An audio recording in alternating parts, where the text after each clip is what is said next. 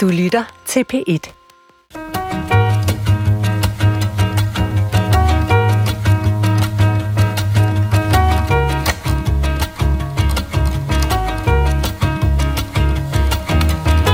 Ariglietti arundullave lumbole a sendano riello caita morni falma linna rinde metta hisie kala.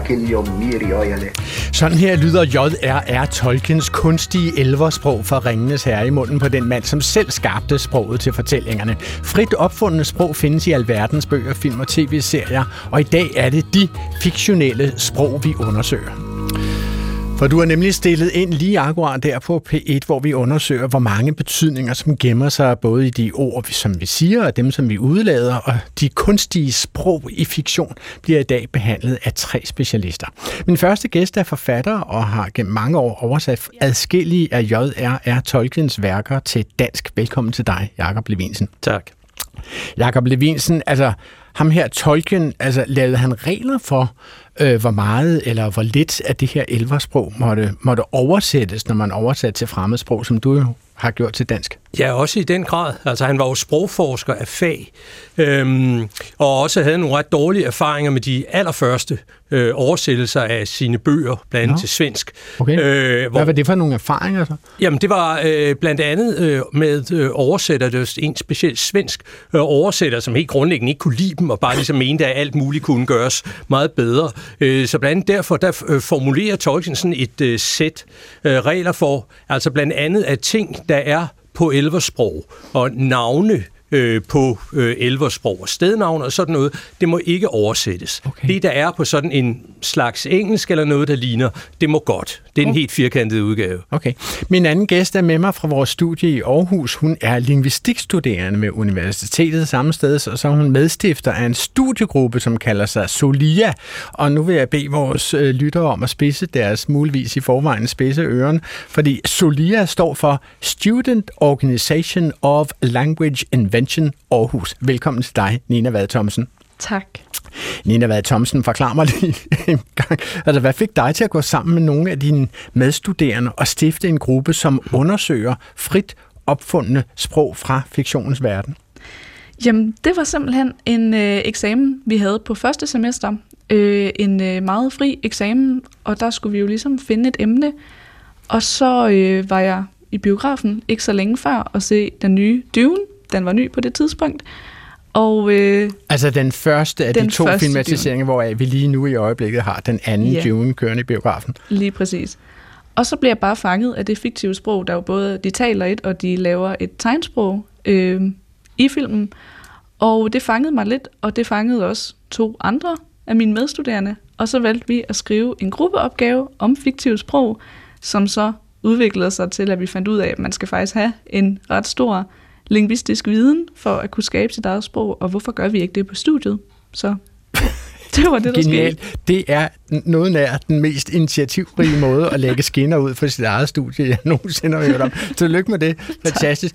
Min sidste gæst er litteraturforsker og hjælper os med at nærstudere sprogets enkelte dele. Hun er kendt med ved øh, institut, eller fra Institut for Nordiske Studier og Sprogvidenskab, og derudover er hun udgiver ved det Danske Sprog- og Litteraturselskab. Velkommen til dig, Elisabeth Blikker. Tak skal du have. Elisabeth Blikker, altså når, når talen falder på sprog fra fiktionens verden, så er det noget, noget af det første, som falder mig ind, og det er muligvis et generationsspørgsmål, det er det såkaldte nysprog, som George Orwell opfandt til sin roman 1984. Øhm, hvad skulle nysprog bruges til i den romansammenhæng, Elisabeth? Altså, Orwells roman er jo sådan en dystopisk fremtidsroman, øh, hvor du er konstant overvåget af Big Brother. Øh, og nysprog er simpelthen statens officielle sprog, som begrænser den enkeltes mulighed for at tale frit og ikke mindst tænke frit. Så det er i virkeligheden et slags sprogligt, øh, det er nærmest et sprogligt korset, kan man kalde det. Altså det snører folk ind i deres tankevirksomhed, eller hvad? Ja, det må man sige. Altså modsat alle andre sprog i verden, så, øh, altså, som udvider sig med tiden, så er det her et sprog, som, øh, altså, hvor der bliver færre og færre ord. øh, så man får mindre og mindre mulighed for at udtrykke sig. Øh, der er særlige ordgrupper, der ligesom falder ud. Øh, tingene bliver trukket sammen.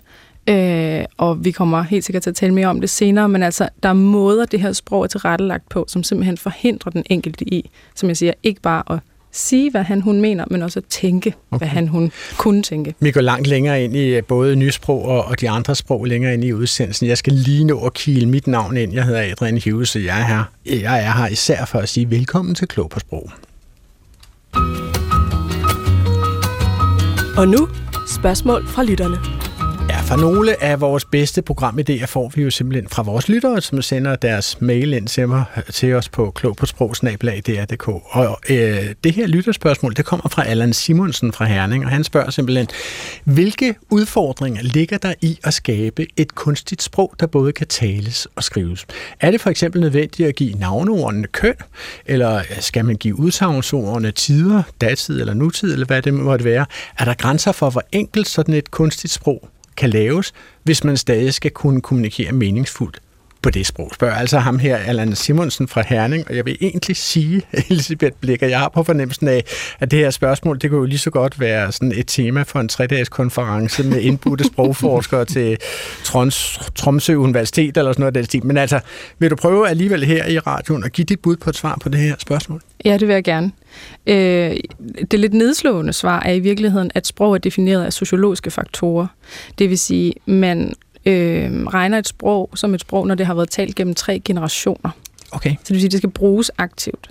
Man kan ikke bare samle en bunke ord eller udtryk, og så lave et sprogsystem, og så forvente eller kalde det et sprog.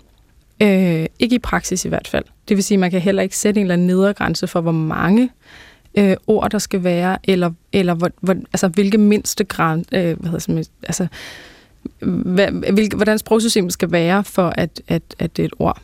Øhm, eller undskyld, et sprog. Ja, så, så de sprog, som vi taler om i dag, mm. altså med mindre at, de er blevet talt af tre generationer, så er de sådan set i forhold til sprogvidenskaben ikke rigtige sprog. Nej. Så er de fiktionskonstruktioner mm, placeret i litteratur eller andre fortællinger med en eller anden form for hensigt. Ja, det er jo så den anden del af det, fordi selvfølgelig er der opfundet sprog, det ser vi jo mange steder. Øh, så øh, vi taler stadig om dem som sprog, fordi hvad skulle vi ellers gøre? Der findes jo masser af kunstsprog derude, som er opfundet af en eller flere personer. Ja. Så er spørgsmålet, om det er et sprog, som går videre og bliver talt aktivt i større eller mindre fora, eller om det er et sprog, som for eksempel nysprog, der bliver i fiktionen. Okay. Altså, Jakob og Nina, vi har jo inviteret jer med, fordi I er specialister i forskellige former for kunstsprog fra fiktionens verden, og jeg regner simpelthen med, at når I begynder at fortælle om de sprog, så vil I hen ad vejen komme til at besvare de fleste af Allan Simonsens øh, spørgsmål her. For det første, jeg vil vende med jer alle tre, det er jo, altså hvorfor overhovedet opfinde kunstige sprog. Altså J.R.R. Tolkien for eksempel. Jeg går ud fra, at han var altså engelsktalende, barnefødt, som det hedder, engelsktalende, og han har nok formuleret sig allerbedst på engelsk, mm. sit modersmål, som det så smukt hedder. Ikke? Hvorfor i alverden går man over åen efter vand og opfinder måske endda flere øh, mm. sprog til at skrive en roman. Man kan også sige, hvorfor, hvorfor i alverden skulle man lade være? Når man, når, når, når man skriver fiktion. Ikke? ja, okay, og så kan man sige, der er også det med Tolkien, han er jo sprogforsker først, ikke? og mm. altså opfinder de her, begynder at opfinde de her kunstige sprog. Samtidig øh, fortæller han øh, historier for sine efterhånden fire børn, og på et tidspunkt, da de så at sige, løber det her sammen i, da han finder på ordet hobbit. Aha. Fordi det er så et ord, som man pludselig kan begynde at fortælle historier ud fra. Hvad er egentlig en hobbit? Ikke? Og øh, hvad gør de? Og øh, før, før man ser sig om, så har man sådan set også skrevet Ringenes Herre. Ikke? ja, på en god dag, vil jeg sige, hvis man har det ja. Men vil det sige, at er selve ordet hobbit, altså betegnelsen på den her person, ja. som er meget løden og har store fødder og ikke er særlig ja. høj, er, er det virkelig sådan en lille slags surdej, som simpelthen svulmer i hans øh, øh, dejkar, eller hvad det hedder? Hans ja, en vis, I en vis grad. Øhm, øh, han har også skrevet på et tidspunkt det der med, at øh, altså først øh, så får et øh, folkeslag eller væsen og sådan noget, øh, forestil altså de har en eller anden art sprog, og så på et tidspunkt begynder man jo at fortælle historier med det. Øh, og der, hvor man kan sige meget øh, nyere fantastisk litteratur, der gerne vil være Tolkien, øh, måske går lidt galt, det er der, hvor man så begynder med at opbygge enorme universer, altså det, der hedder universe building, det er jo noget, man kan blive undervist i, og så skal man ligesom finde på nogle sprog, som okay. forskellige ting og sager kan tale. Tolkien kommer så at sige den modsatte vej ind i det. Altså begynder at øh, opfinde elversprog, der er to af dem, øh, og så gradvist fylder mere og mere øh, handling på i begyndelsen af sit mytologiske univers, og så på et tidspunkt, så dukker der også det her ord hobbit op, og så skal han ligesom først forklare sig selv, øh, hvad, en, hvad en hobbit er. Så det lyder som om, at det nærmest er en, er en forfattermetode for Tolkien, at han starter i sproget, disse ja. fiktive sprog, og så udvikler han sit univers Det kan man derfra. godt sige, så, så meget, at det ligesom er noget af en øh, metode, fordi i en vis grad bliver han jo nærmest sådan øh, forfatter ved et tilfælde. Men, men Elisabeth Blikker, altså det, jeg går ud fra, at det her også især er, er en litterær pointe. Altså hvis vi midlertidigt parkerer J.R.R. Tolkien, kan man sige noget generelt om, hvad, hvad bruger man kunstsprog til i litteraturens verden? Altså hvad er det, det skal fremmane eller fremkalde hos læserne, seerne? Ja, altså øh, fiktionen har jo den fantastiske egenskab, at den er fiktion. Øh, det vil sige, at man kan nærmest beskrive det, man gerne vil. Øh, og hvis man så ikke med sit almindelige ordforråd, heller ikke det poetiske ordforråd, eller det udvidede ordforråd, kan beskrive det, man gerne øh, vil beskrive, øh, så kunne man for eksempel udvide et univers med øh, et helt eget sprog, eller en helt, anden, helt egen verden, så at sige, ikke? Ja. Øh, hvor det her sprog øh, findes eller bruges. Hvad siger du til det, Nina Vade Thomsen? Øh, altså, jeg, ligesom Elisabeth siger der, at det, det giver ligesom noget dybde, en, en ekstra dimension øh, til den her verden. Det kan jo også være, ja, hvis man sidder og ser en film, og så begynder, altså man kan jo ikke, hvis de slås med nogle bestemte våben, så kan man jo ikke som sådan tage våben ud af filmen og se, at de ikke er virkelige. Men sproget kan man tage ud. Så det der med, at man kan tage et sprog fra en film, det giver ligesom en ekstra, en ekstra dybde, også for dem, som sidder og prøver at leve sig ind i det, at man kan være en del af den her verden på en måde.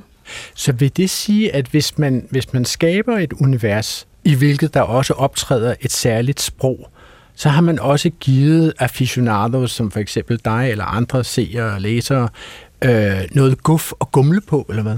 Ja, altså det vil jeg sige. Øhm, fordi ja. Og det, og det er det, du, øh, du omtaler som dybde i øh, bundtræk i, i fortællingen. Ja, lige præcis. Og det er måske øh, også at gå lidt videre, men det der med, at de fleste af, hvad jeg, at de fleste sprog, jeg har kigget på, er øh, fulde sprog. Altså det er ikke bare nogle linjer, der lige er oversat til noget totalt tilfældigt, men det er altså fulde sprog, som man kan lære at tale, hvis, hvis man synes, det er spændende. Altså, hvis man var lidt ondskabsfuld, og øh, himlen forbyder, at jeg nogensinde skulle øh, blive set som sådan, men altså, onde mennesker kunne sige, at det er også lidt spild af tid.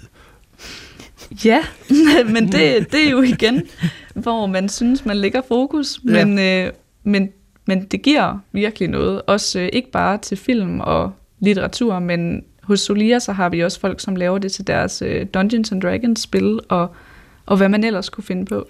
Hvad siger du, Elisabeth?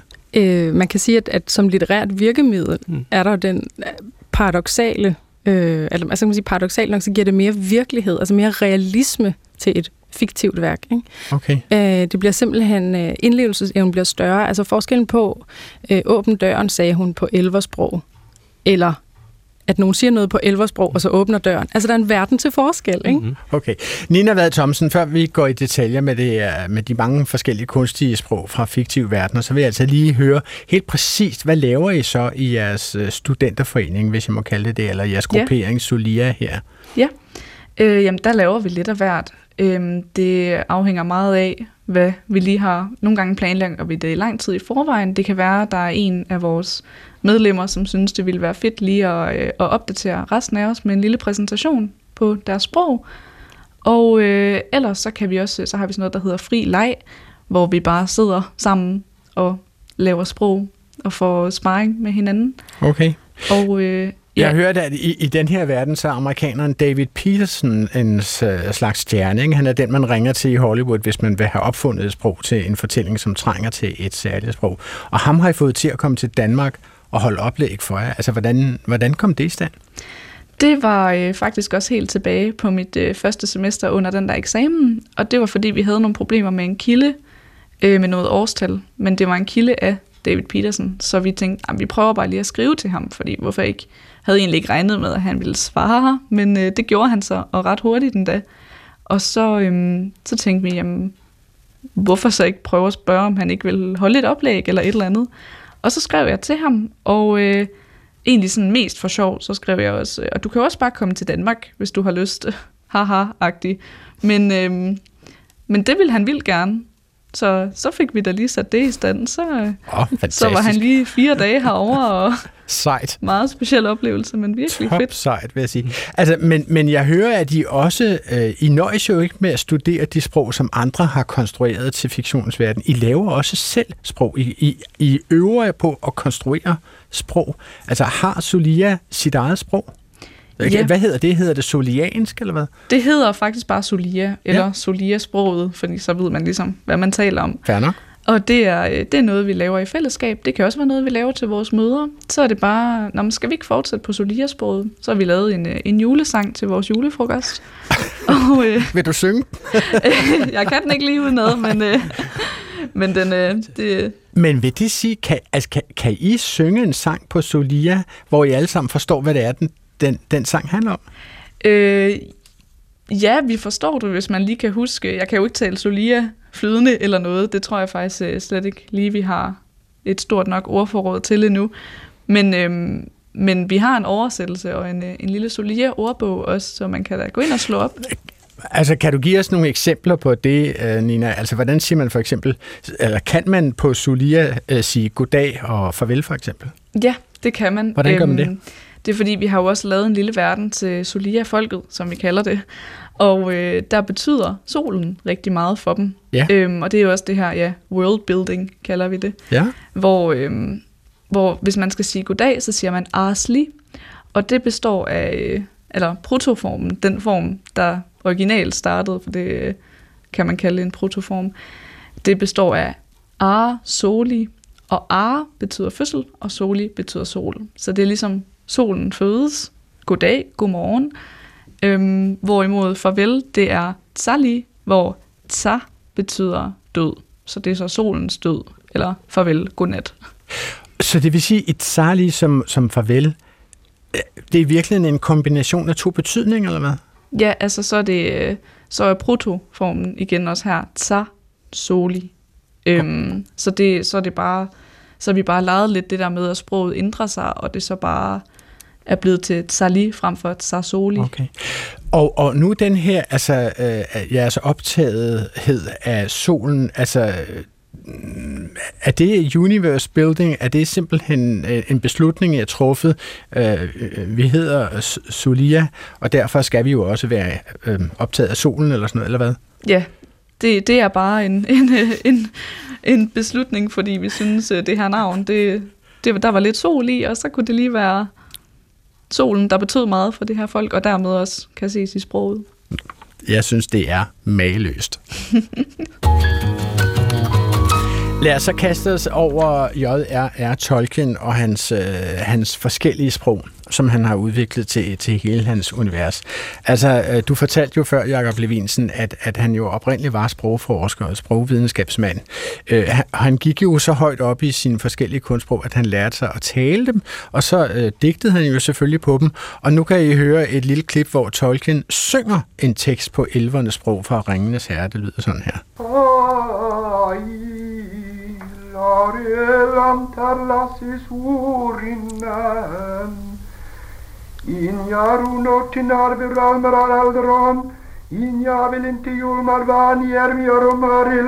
Simmeruvare Jakob Levinsen, det er jo dig, som har sendt os i retning af det her klip med Tolkien, som synger på elversprog. Og øhm, jeg synes, han synger godt. Jeg ja. synes, det lyder som min far, der synger. Jamen, han er, har været 60. Det er fra... Ja. Det er fra 1952, og kuriøst nok, det her det er en privatoptagelse fra før Ringenes Herre udkom. Okay. Han gjorde midt i 50'erne, ikke? Okay, så han, han var på øh, seriøs mission, før han overhovedet havde læsere. Det, det kan man godt sige, ja. Okay, men, men er du så godt inde i det sprog, at du tør sådan nogenlunde øh, udpensle for os, hvad han synger her i baggrunden? Altså nu, nu er det jo nemt nok, fordi det rent faktisk er en øh, sang, om man vil, som optræder i øh, Ring, Ringenes Herre. Øh, hen imod slutningen af øh, bind 1, hvor øh, elver fyrstinden øh, Galadriel synger det som en slags øh, afsked til det her selskab, da de drager øh, videre. Og i øh, Ida Nyrup Ludvigsens danske oversættelse af Ringens Herre, der hedder det noget i retning af fra begyndelsen. Det er en lidt lang tekst, men altså og som guld daler løvet for vinden i utalte år som træernes vinger. De lange år er svundet som dråber af den søde mjød i de høje sale, hinsides vesten, under Vardas blå velvinger, hvor stjernerne skælver i hendes stemmes majestætiske og hellige sang. Men Okay, så det, det, det, er, et, det er et højpoetisk... Det, det er et højpoetisk, ja. også fordi det, der, der er to elversprog. Ikke? Øh, der er det her, der hedder Kvenja, som er sådan det højpoetiske, det meget gamle. Ikke? Som er det, han synger her? Ja, ja. Øh, og så er det det, der hedder Sindarin, som er sådan lidt mere, øh, man kan kalde det, proletarsproget og sådan noget. Men altså, i begge tilfælde, der kan man sige, at det vil øh, følger øh, Elisabeths øh, definition på, hvornår kan man sige, et sprog er et sprog, fordi det er jo ligesom noget, som øh, elverne har betjent sig af i tusindvis af år og igennem utallige generationer her. I, I hvert fald i fiktionens ja. verden, kan vi sige. Men man siger, der er også en, øh, du spurgte øh, til at begynde med om det der med, hvad der måtte oversætte sig ikke.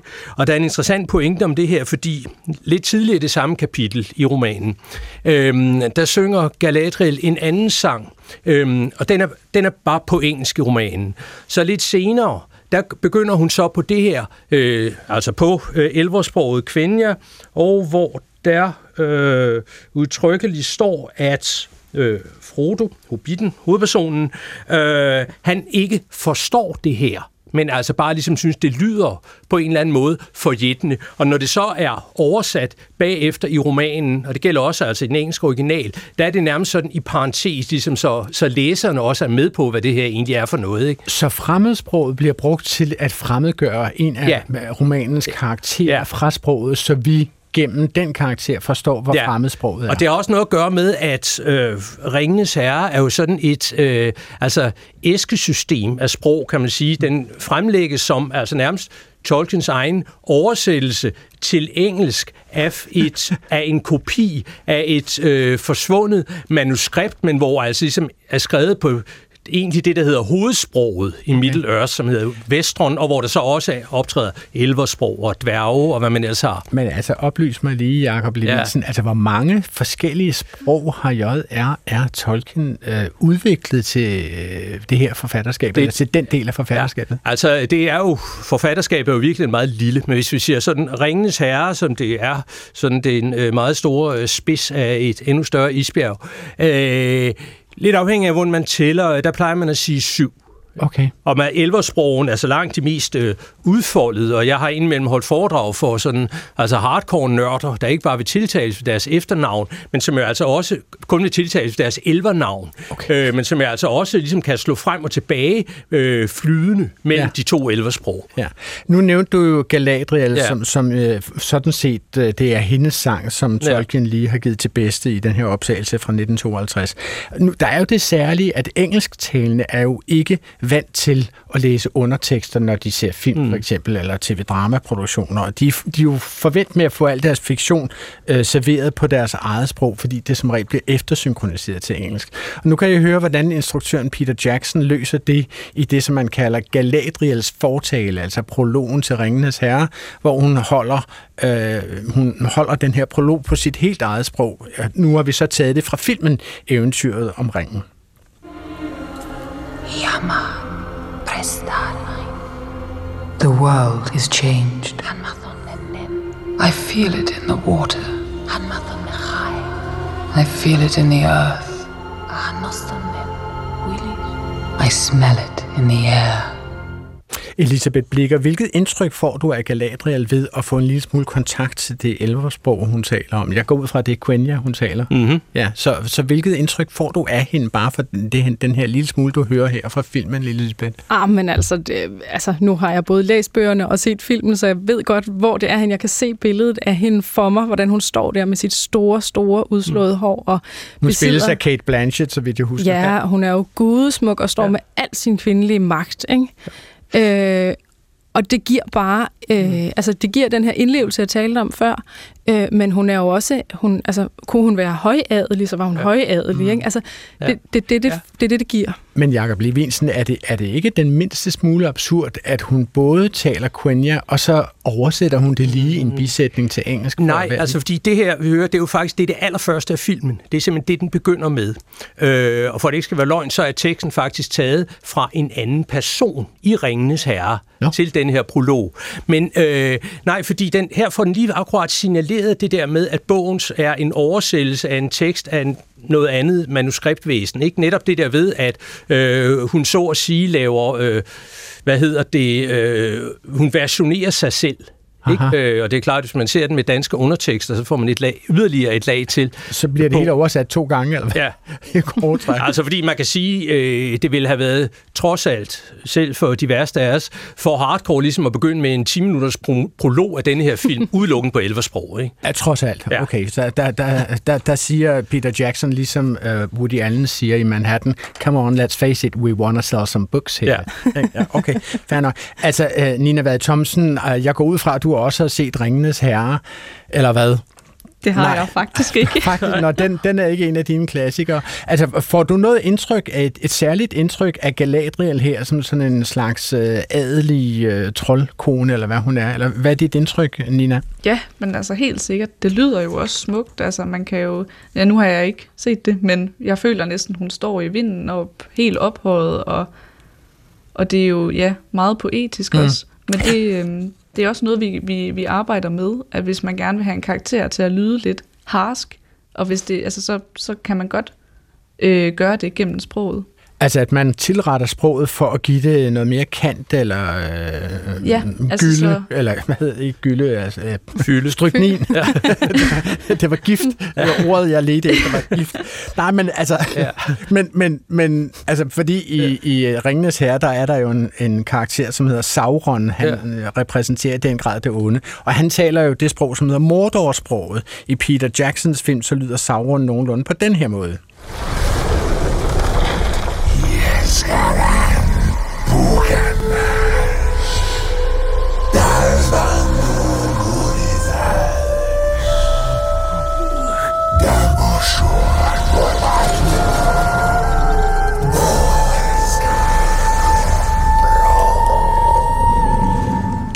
Ja, altså Jakob Levinsen, øh, nu kaster jeg den bare over til dig. Vil du påtage dig at oversætte, hvad Sauron lige har sagt til os her?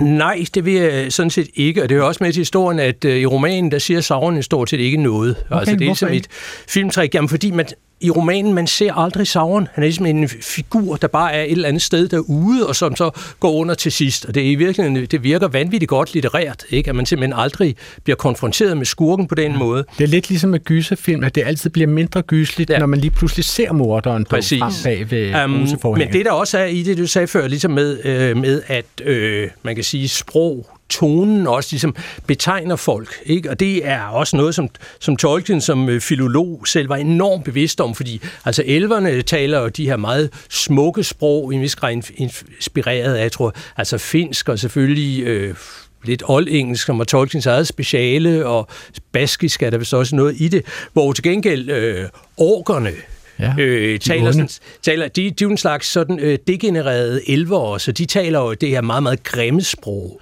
Og, og, og hvordan kan man høre det i sproget? Altså, er det et spørgsmål om fordeling Jamen, det er også et spørgsmål om enormt mange konsonanter, Okay. okay. sætter, t'er, der gør sig lidt det samme gældende, også for eksempel med, øh, med dværgene hos Tolkien, som også er deres sprog, men det er noget, de gemmer, øh, holder meget for sig selv, øh, og som også er sådan, hvad skal man sige, lyder meget underjordisk.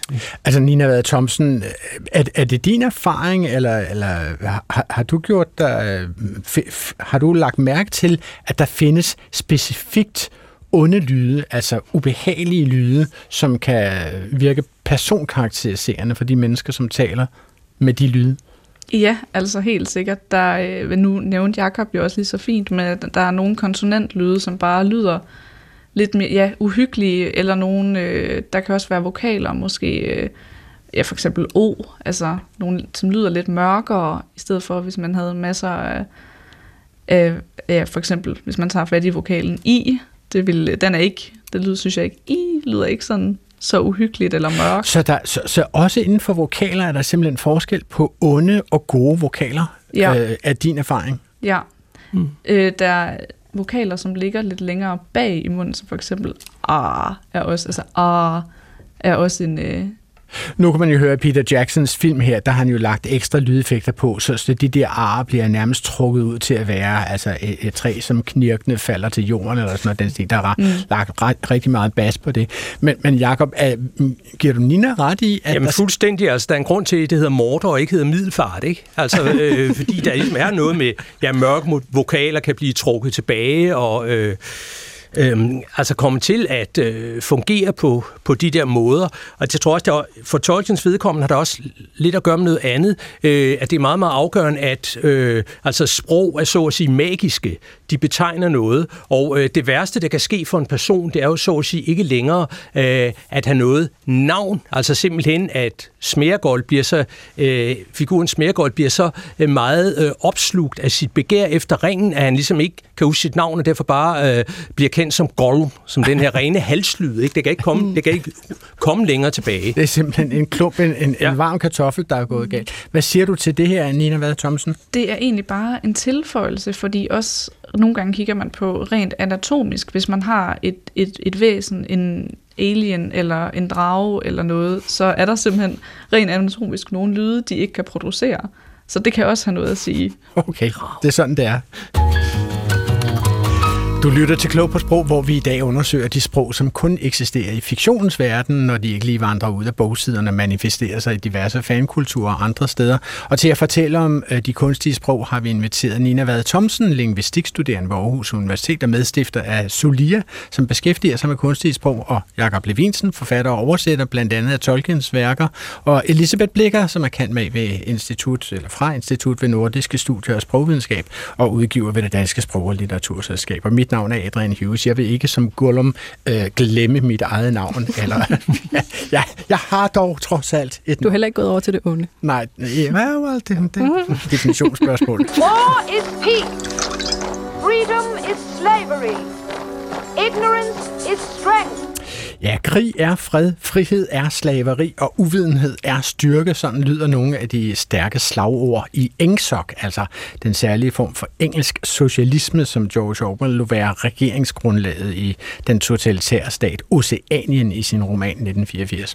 Og Elisabeth Blikker, altså i hvilken verden giver det mening at sige, krig er fred, frihed er slaveri, og uvidenhed er styrke? Øh, det giver det i en verden, hvor at dem, der har magten, gerne vil kontrollere befolkningen.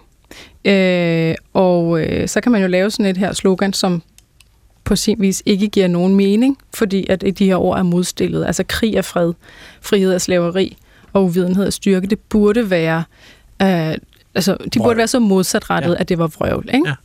Ja. Øh, men det er sådan set en del af, af, af magthavernes strategi, øh, at få tingene til at være så absurde, at folk holder op med at tænke. Altså George Orwell skrev den her bog i 1948, den udkom året efter. Mm. Dens titel var jo 1984, fordi mm. han bare vendte årstallet om. Mm. Øh, og så udkom den øh, i sin første udgave med et appendix, som var et slags videnskabeligt essay, hvor Orwell foregiver at undersøge det nysprog, som han selv havde opfundet til romanen. Mm. Og begyndelsen til det appendix har vi øh, fået øh, vores producer Clara til at indlæse. Det lyder sådan her. Principperne i nysprog. Nysprog var det officielle sprog i Oceanien og blev designet til at leve op til de ideologiske krav i ENGSOC eller engelsk socialisme. I 1984 var der stadig ingen, der brugte nysprog som eneste kommunikationsform, hverken skriftligt eller mundtligt. Lederartiklerne i The Times var skrevet på nysprog, men det var en tour de force, som kun kunne udføres af en specialist. Det var forventet, at nysprog ville have erstattet gammelsprog, eller standardengelsk, som vi burde kalde det, omkring år 2050. I mellemtiden vandt det stadig mere indpas, og alle partimedlemmer brugte flere og flere ord og grammatiske konstruktioner fra nysprog i almindelig dagligdags tale. Altså Elisabeth Blikker, hvad siger det om George Orwell, at han skriver et udførligt, og jeg vil nærmest kalde det et pseudovidenskabeligt, encyklopædisk opslag om det her eget sprog, som han jo har opfundet til lejligheden? Altså det siger jo om ham, at han er en dygtig forfatter. Altså som, som, som med sin roman både formår at fortælle øh, om en dystopisk fremtid, øh, som ikke nødvendigvis er realistisk, men som kan være sådan et slags skrækscenarie for, øh, hvordan det kunne, øh, fremtiden kunne se ud. Øh, men øh, ligesom øh, Tolkien og Søren Kierkegaard og alle mulige andre, så kan man jo inden for rammerne af sin roman lege med øh, de forskellige virkemidler, og her altså lave et tillæg, som ja. du siger, har karakter af nærmest at være en, en videnskabelig redegørelse for, hvordan nysprog fungerer. Men, men hvor vigtigt for selve romanens hensigt, eller den verden, som romanen forsøger at undersøge, hvor vigtigt for den verden er opfindelsen af sproget, nysprog? Meget vigtigt. Øh, opfindelsen af nysprog er jo ikke Altså jeg tænker ikke, at nysprog på nogen måde er sat i verden for, at nogen skal tale det. Nej. Øh, når det indgår som en del af denne her roman, hvor at, ja, som vi lige hørte i, i, i indledningen, altså det er jo noget, som magthaverne bruger. Det er noget, som skal indføres gradvist, og som skal erstatte gammelt sprog, altså det sprog, vi kender, så at sige. Øh, så er det Orwell gør, det er, at han siger på den her måde noget om, hvordan sproget virker. Altså, hvordan kan vi aktivt, eller nogen, som har en interesse her, Engsok, som er det her øh, stærkt kontrollerende parti, som, som sådan har magten i det her samfund, eller forsøger at få den ultimative magt i det her samfund, øh, hvordan kan de bruge sproget til at indskrænke øh, de, de, de mennesker, der lever i samfundet. Jakob Levinsen, har du læst 1984? Ja, ja. ja, ja, ja jeg læste den første gang nogenlunde samtidig med, at jeg læste Ringenes Herre. Nå, okay. Øh, og de er jo skrevet stort set samtidig. De mm. to, bare to meget forskellige øh, bud på mm. noget. Ja. Men, Men hvilket, hvilket indtryk gjorde begrebet nysprog på dig? Det gjorde det jo helt enormt, man kan sige, på en helt på en helt anden måde. Jeg vil sige, det er nærmest ikke noget med øh, sådan, altså egentlig fiktiv sprog at gøre, fordi det er jo snarere en slags, øh, ja, degenereret engelsk, altså bevidst degenereret. Det er så at sige engelsk som orksprog, ikke? Okay. Fordi det bliver jo skåret til hele tiden. Det er jo ikke sådan, at folk øh, taler med andre ord, de bruger dem bare færre og færre af dem øh, hos Orwell, ikke?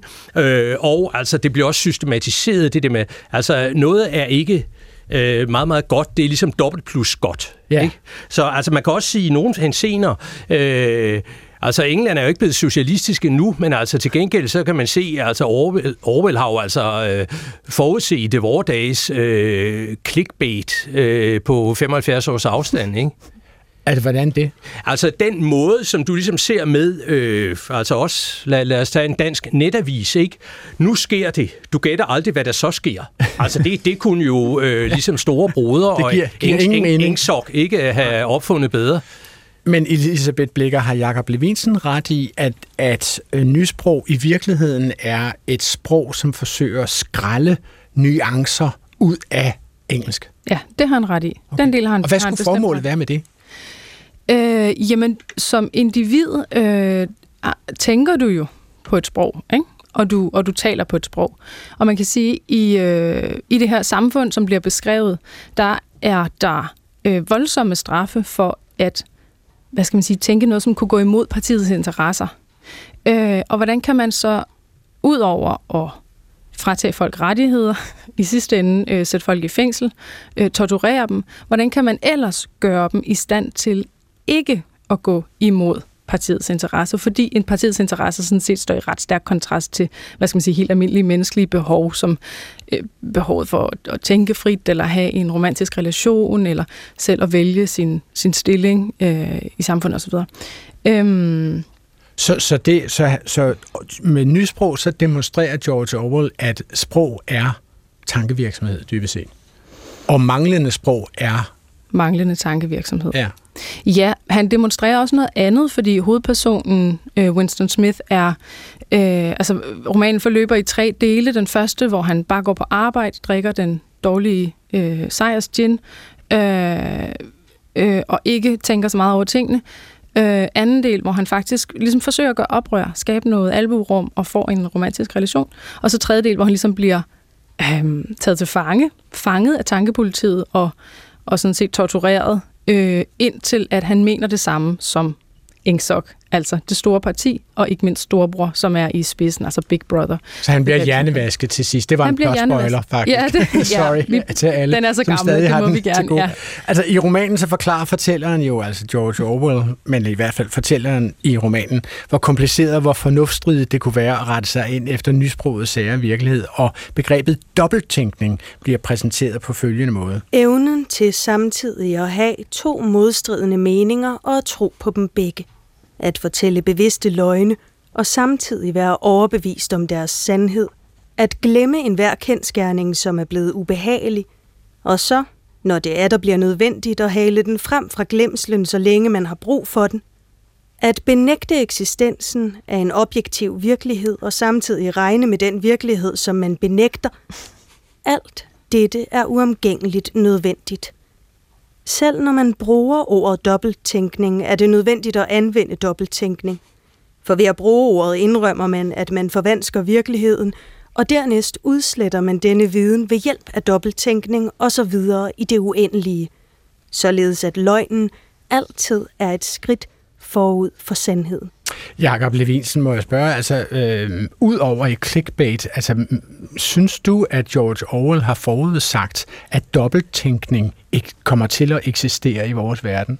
Har, kan- har, du nutidige eksempler på det? Jamen altså, det er jo fordi, øh, man kan sige, Orwell i første omgang skriver lidt ud fra øh, sovjetkommunismen, ikke? Og storebror ligner Stalin. Og han forestiller sig, at et totalitært samfund, hvor de her ting bliver, er noget, der bliver dikteret oppefra. Ikke, og hvor man kan sige, der hvor det øh, måske i højere grad bevæger sig ind i retning, af, hvor det, noget, hvor det så at sige mere sker af sig selv. Ikke? Altså, det er jo der, der er jo ikke nogen, der har dikteret øh, medierne at øh, bruge clickbait. Der står ikke sådan en eller anden stor samlet nonsensgenerator et sted og finder på det. Nå, ikke? Vel? øhm, men altså, man kan også se, og for eksempel jo indimellem så øh, i 1984, der er jo sådan folk, der falder i unåde, uden at de helt ved hvorfor. Ikke? Øh, og det er også sådan statens propagandamidler. Og det kan man sige, moderne shitstorme, de er jo heller ikke centralt øh, kontrolleret, vel? Men der, der er sådan nogle ting, vil sige, hvordan øh, helt generelt øh, man kan sige, samfundet har udviklet sig også øh, sprogligt, øh, og hvordan sprog bliver brugt, øh, hvor øh, Orwell jo altså nærmest er skræmmende profetisk, bare på nogle lidt andre måder, end han måske selv forestillede sig. Mm. Nia Vad Thomsen, altså nysprog, er det sådan et sprog, som dukker op, når I oplister, hvilke forskellige kunstsprog, der, eller fiktionelle sprog, der findes i verden? Ja, det, det er noget, når vi er ude og holde oplæg blandt andet, så har vi sådan en lang liste med forskellige eksempler på, hvor sprog er brugt i fiktionen, og der er nysprog også en af dem. Okay. Og nu spørgsmål fra lytterne. Fordi vi har fået et lytterspørgsmål, som handler om nysprog, og det kommer fra Kirsten Fransen, som har skrevet til os på klog på sprogsnabelag.dk fra Bogense, selvom hun egentlig bor i Odense, men det her skrev hun fra Bogense. Jeg har flere gange klog på sprog hørt Eva Skafte Jensen sige, at dette eller hint er meget, meget, meget interessant. Jeg har gennem længere tid observeret det udbredte og forstærke betydning af et eller andet ved at gentage biord, for eksempel meget eller virkelig. Især bruges det ofte af sportskommentatorer. Jeg får associationer til George Orwells 1984, hvor man på nysprog forstærker et ord ved at sige, at det er enten plus godt eller dobbelt plus godt. Er den slags gentagelser ikke en forsimpling af sproget, spørger jo altså øh, Kirsten Fransen. Hvad vil du sige til det, Elisabeth Blikker? Nej, overhovedet ikke. Altså det er faktisk, øh, jeg tror faktisk, det er virkelig en vigtig pointe for mig at sige, at jeg ser ikke nysprog i dag. Øh, det Eva Skafte Jensen, hun gør her, det er, at hun bruger en, et helt almindeligt retorisk virkemiddel som sådan en gentagelsesfigur, hvor man siger, at noget er meget, meget, meget godt. Altså i stedet for at sige meget godt. Hun kunne selvfølgelig også have sagt, det er hysterisk godt. Og så havde hun brugt sproget til at nuancere, hvad det egentlig er, hun mener. Øh, men nej, det er altså en ret uskadelig gentagelsesfigur, som vi bruger alle mulige steder, og som jeg øh, ikke, det har ikke noget som helst med nysprog at gøre. Okay. Nysprog er i sit udgangspunkt stærkt politisk. Ja. Allan Simonsen fra Herning, som stillede det spørgsmål, som søgte af det hele programmet her, han stillede også et spørgsmål om det sprog, som rumvæsenerne øh, ved navn Klingonerne øh, sta- taler i Star Trek, altså et sprog, som i filmene kaldes klingonsk. Allan Simonsen spørger om det. Er klingonsk et reelt kunstigt sprog, som man skal kommunikere meningsfuldt på, eller er det bare noget vrøvl, som skal lyde sært og yder galaktisk i Star Trek-filmene? Elisabeth Blikker, det spørgsmål får du jo helt Ja, først det gør jeg. Øh, jamen her er vi tilbage ved noget af det, vi har talt om allerede. Altså et reelt kunstigt sprog. Øh, det er i hvert fald et kunstigt sprog, så lad os sige, at det er et fiktivt sprog, men det er jo et sprog, som er trukket ud over fiktionens grænser, og der er masser af trekkies derude, som taler det. Det vil sige, at det har nok komponenter til at være et, et brugbart sprog. Altså, jeg øh, kiggede efter på Wikipedia tidligere her i dag, og jeg, jeg kan se, at der er nogen, der har gjort sig den ulejlighed at oversætte Hamlet til klingonsk. det var to be or not to be på klingonsk, eller noget af den retning. Ah, måske ikke. Og nu spørgsmål fra lytterne. Som vi jo altså lige har besvaret. Øh, I kan sende jeres spørgsmål til klog på sprogsnabelag.dr.dk. Øhm, fra tv-serien og fra filmen om Star Trek, så springer vi til en endnu nyere tv-serie. Den har udspillet sig på HBO. Den løber over otte sæsoner. Den hedder Game of Thrones, blandt venner bare GOT. Og tv-serien bygger på George R. R. Martins romaner, men specifikt til tv-serien opfandt ham David Peterson, som vi talte om i begyndelsen af programmet. Det sprog, som tales af nomadefolket Dothraki. Lad os høre, hvordan det lyder, når Karl Drogo, øh, kongen af Dothraki, lige taler med sin dronning, Diana Targaryen, hvis det er sådan, hun udtales. Hun kommer ikke fra Dothraki-folket, og derfor har hun tillært sig deres sprog, da de blev gift. Daran ragat evetemal. Я то финни, это йом. Киша востоки вос арекса зви дома доре чекате. Вос адор ме... ме... трон. Трон. Адор финан. Karl Navessoy? Ja, Kalisi?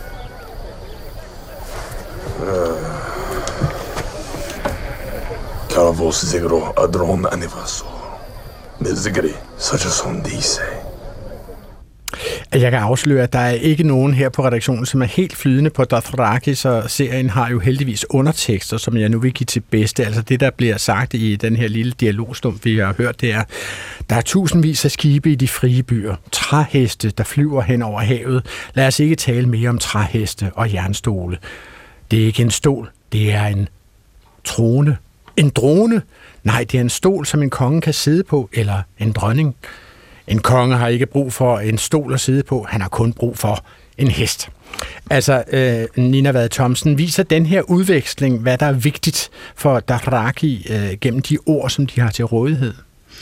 Altså nu taler jeg jo heller ikke flydende Dothraki, men, øh, men ja, helt sikkert. De, de, som du siger, de kommer også to forskellige steder fra, så det, at, øh, at de mødes i den her samtale og ligesom skal ja, udveksle, hvad, hvad, hvad Dothraki egentlig er. Altså, Hvad siger du, Elisabeth? Men jeg siger, at, at, at et sprog indeholder jo en kultur. Ja. Og det bliver meget tydeligt mm. i det her eksempel, hvor det er to kulturer, der taler sammen. Hvordan? Øh, jamen, i den ene kultur, der sidder kongen på en trone, og i den anden kultur sidder kongen på en hest. Det siger noget om, hvad man forbinder med en konge. Men ikke desto mindre har begge kulturer en konge, så de har også noget til fælles. Altså, man kunne også forestille sig en tredje kultur, hvor det var en dronning, eller hvor der slet ikke var nogen magt ja. øverst.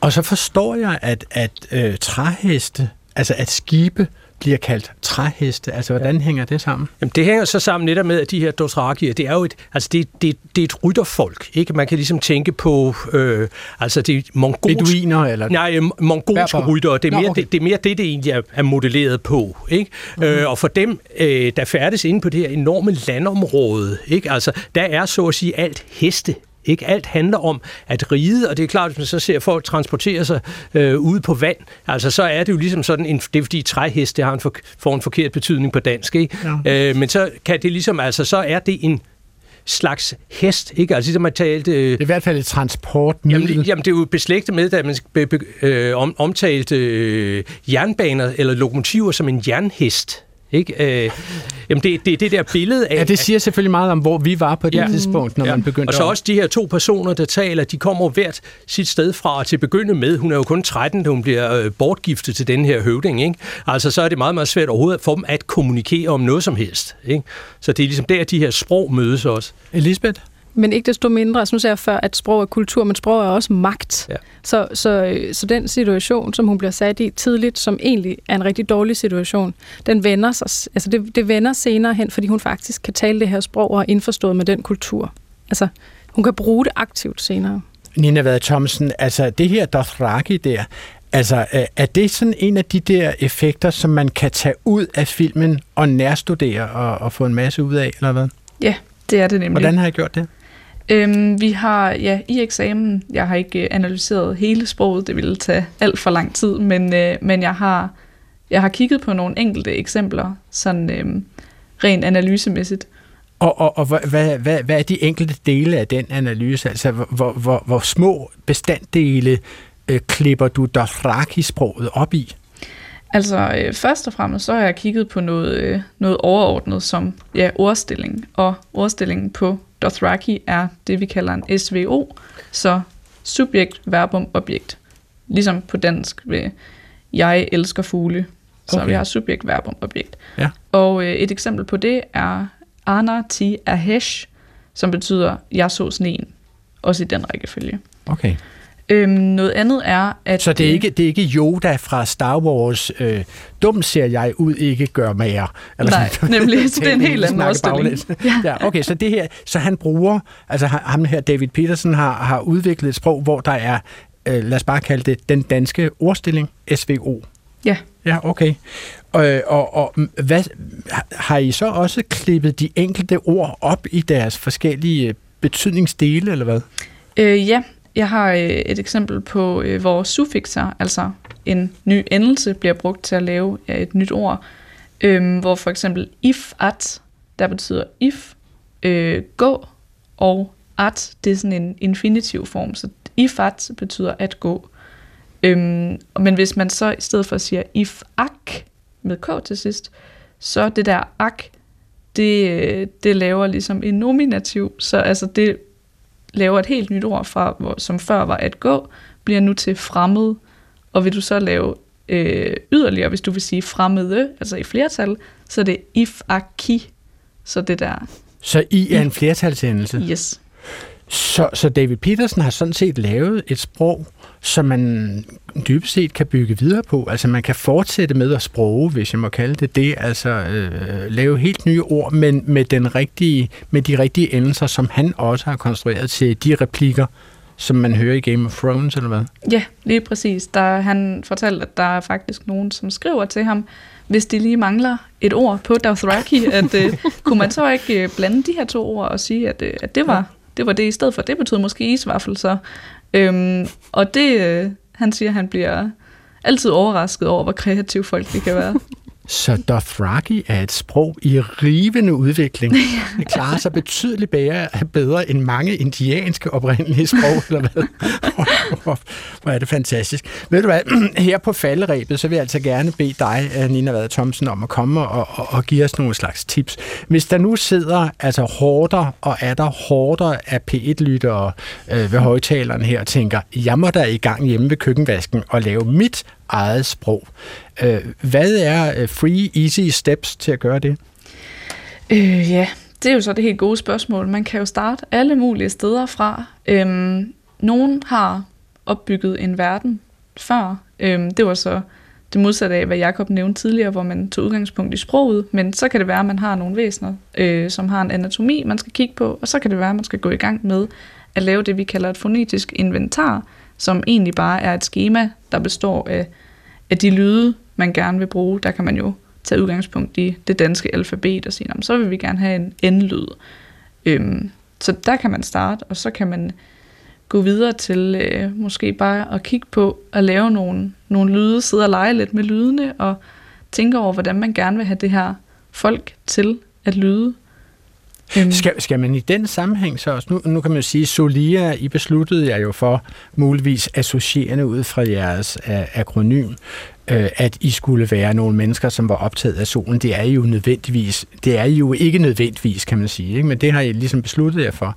Altså, er, er man nødt til at beslutte sig for, når man laver et sprog, øh, hvilken verden det skal opstå i, altså om det er en krigerkultur, eller om det er en landbrugskultur, om det er folk, der er høje på at fremstille øh, svin, eller hvad?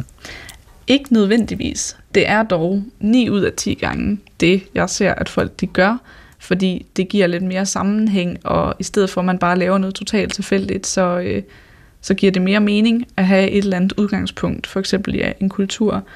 Øhm, så det, øh, det, det er nok også et godt sted at starte, men det er slet ikke nødvendigt. Jakob Levinsen, hvis vi går tilbage til J.R.R. Tolkien, og jeg ved altså ikke, hvorfor alle disse fantasyforfattere skal have R.R. i midten, og hedde et eller andet med R.R., men det gør de altså både, både J. R.R. Martin, tror jeg han hedder, som har lavet Game of Thrones-oplægget, og J.R.R. Tolkien for Ringenes Herre. Men, men ved man noget om, hvordan Tolkien greb det an og konstruere for eksempel elversproget? Du nævnte mm. Måske noget inspiration fra finsk, sagde ja. du, og noget oldengelsk. Ja, altså det, øh, man, man kan godt sådan spole baglæns og se, hvor øh, ord ligner og sådan noget, og kan, kan være, hvor der måtte være låneord i det. Men altså først og fremmest, så ved man også, at det, hvad han selv har, øh, har beskrevet forskellige gange, at indimellem var det bare, hvis han et eller andet sted øh, støtte på et ord i en anden sammenhæng, der, øh, der lød fedt, og så tænkte det her, det må ligesom kunne bruges til et eller andet. Det er det, man kan kalde hobbit-syndromet. Okay. Så det er en blanding af, fordi han er filolog og ved alt muligt om sprog og syntaks og så videre, øh, har han ligesom kunne lave det her. Men altså grundlæggende er det jo simpelthen lavet ud fra et løst princip. Og han var jo alene om det, så det var muligvis lidt nemmere for ham, end hvis man skal sække hovederne sammen om at gøre det. Vi lader Quenya og Dothraki og Nysprog ligge for i dag, for lige om lidt, så skal vi vige pladsen for radioavisen, som mig er bekendt øh, bliver oplæst på helt almindeligt dansk. Inden da vil jeg gerne sige tak til mine gæster. Fra DR-studiet i Aarhus havde vi øh, selskab af Nina Vade Thomsen, medstifter af Solia og lingvistikstuderende. Her i studiet i København havde jeg selskab af Jakob Levinsen, forfatter og oversætter blandt andet af flere Tolkiens værker, og af Elisabeth Blikkerkant med ved Institut ved nordiske studier og sprogvidenskab og udgiver ved det Danske Sprog- og Litteraturselskab. Klog på Sprog er tilbage næste uge op til middagsradioavisen. Gå på opdagelse i alle DR's podcast og radioprogrammer. I appen DR Lyd.